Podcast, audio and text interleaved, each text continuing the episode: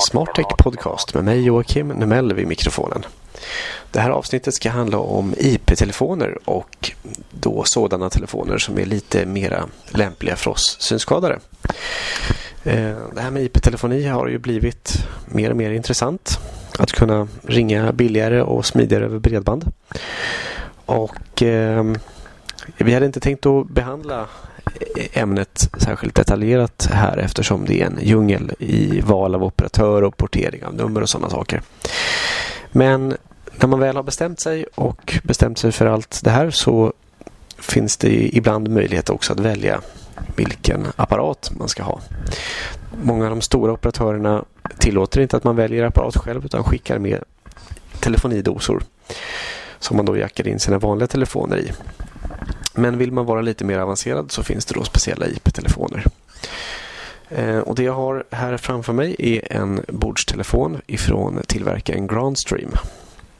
Och man har egentligen flera modeller och de två som är intressanta i det här fallet heter Budgetone 200 och GXP 2000. Eh, Budgetone 200 är en lite enklare privat telefon och den jag har framför mig, GXP 2000, är en bordstelefon av lite mer kontorstyp. Men ur det här hänseendet så är de likvärdiga.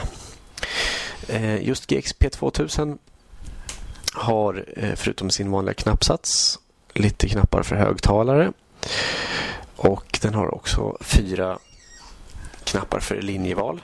Man har möjlighet att ha flera inkommande linjer. Om man till exempel har växel och direktnummer och sådana saker. Och så finns det också lite funktionsknappar för konferens och vidarekoppling och sådana saker. Och sen längs telefonens högra sida så finns det sju stycken funktionsknappar där man kan lägga växelspecifika funktioner eller snabb uppringning på om man vill. Eh, telefonen har också en inbyggd switch i sig. Om man har begränsat med nätverksuttag så kan man använda den på det viset. Och den har också funktioner för natt i sig om man har problem med adresstilldelning eh, av sin operatör. Den här telefonen konfigurerar man via ett webbaserat gränssnitt när man gör alla inställningar från sin dator. Och Det gränssnittet är väldigt enkelt och fungerar alldeles utmärkt med våra vanliga skärmläsare. Den här telefonen är extra intressant eftersom den har talande nummerpresentatör i sig. Och det är då en engelsk kvinnlig röst som läser upp inkommande samtals-ID. Och eh, jag ska nu demonstrera det genom att ringa till den här telefonen ifrån min mobiltelefon.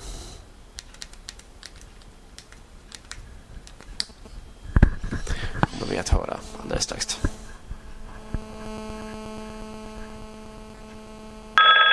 You have a call from zero seven zero seven seven one three one zero zero.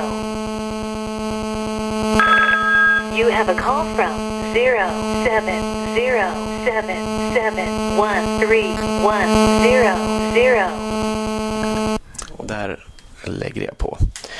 Och då hör vi numret väldigt tydligt upprepas eh, om och om igen och då kan man då själv välja om man vill svara eller inte. Den här ringsignalen följer med numera som, som eh, standard och det är faktiskt en ringsignal man lägger in. Så att man kan välja att ha den ringsignalen på en eller flera av de här linjeknapparna. Och Det är ett intressant val eftersom det idag inte finns så stort utbud av talande nummer, nummerpresentatörer. Det var egentligen allt som jag hade att berätta om den här gången. Eh, vill du kontakta oss, ha synpunkter på vår podcast så går det bra att gå in på vår hemsida som adressen är http-smartlist.nu och där klickar du fram till Smarttech Podcast. Tack för intresset!